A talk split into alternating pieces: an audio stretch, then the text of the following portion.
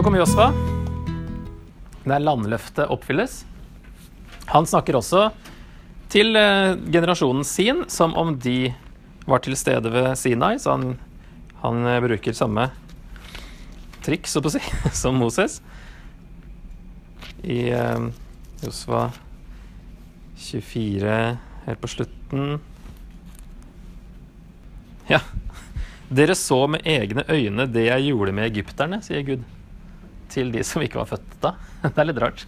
Dere så med egne øyne. Høres ut som det betyr noe annet enn det det tydeligvis gjør, da. Så litt sånn interessant ordbruk i Bibelen. Um,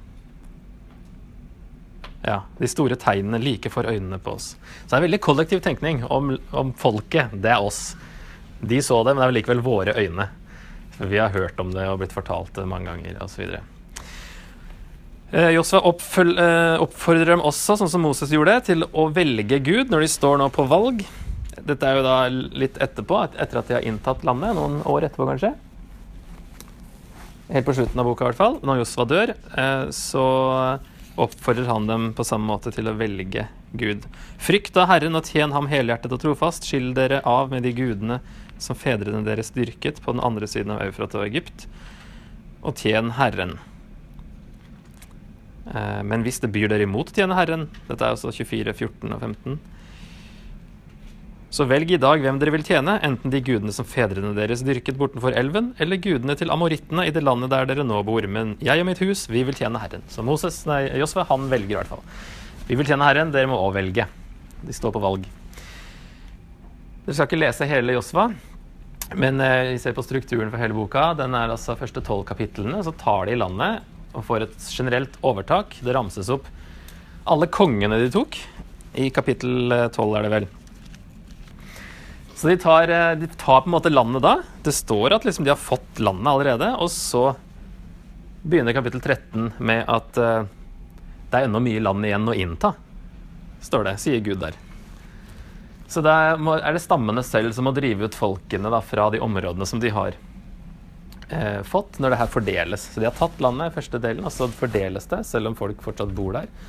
Og så eh, blir det overlatt til hver enkelt stamme å fikse sitt område. Og så er det en sånn epilog igjen. Der er Josvas tale. Og de inngår pakt igjen. Um, så dør Josva i slutten av Josvas bok. Jesus i Josva Jeg var vel inne på det med at eh, Moses endrer navnet til Josva i eh, Fjerde Mosebok. At han egentlig het Hosea, som Joses, eh, Moses da gir et nytt navn. Og så er det interessant det at det er det samme navnet som Jesus. Både på gresk og hebraisk. Sånn at alt det her, alt med Josva, peker på en måte fram mot Jesus. Og det er iallfall sånn i i hebreerbrevet eh, så trekker han en parallell mellom landet og frelsen. At Josva ledet dem inn i landet, men det var ikke en fullstendig hvile.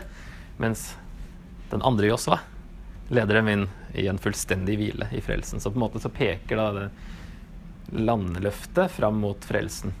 Hebreerne 4,8. Så alle disse krigene òg vil jo peke fram mot dommen, siden det alltid er pga. dom at de skjer. Det er alltid dom over synd, sånn at eh, det vil jo peke fram mot um, den endelige dom når Jesus kommer igjen for å dømme levende og døde.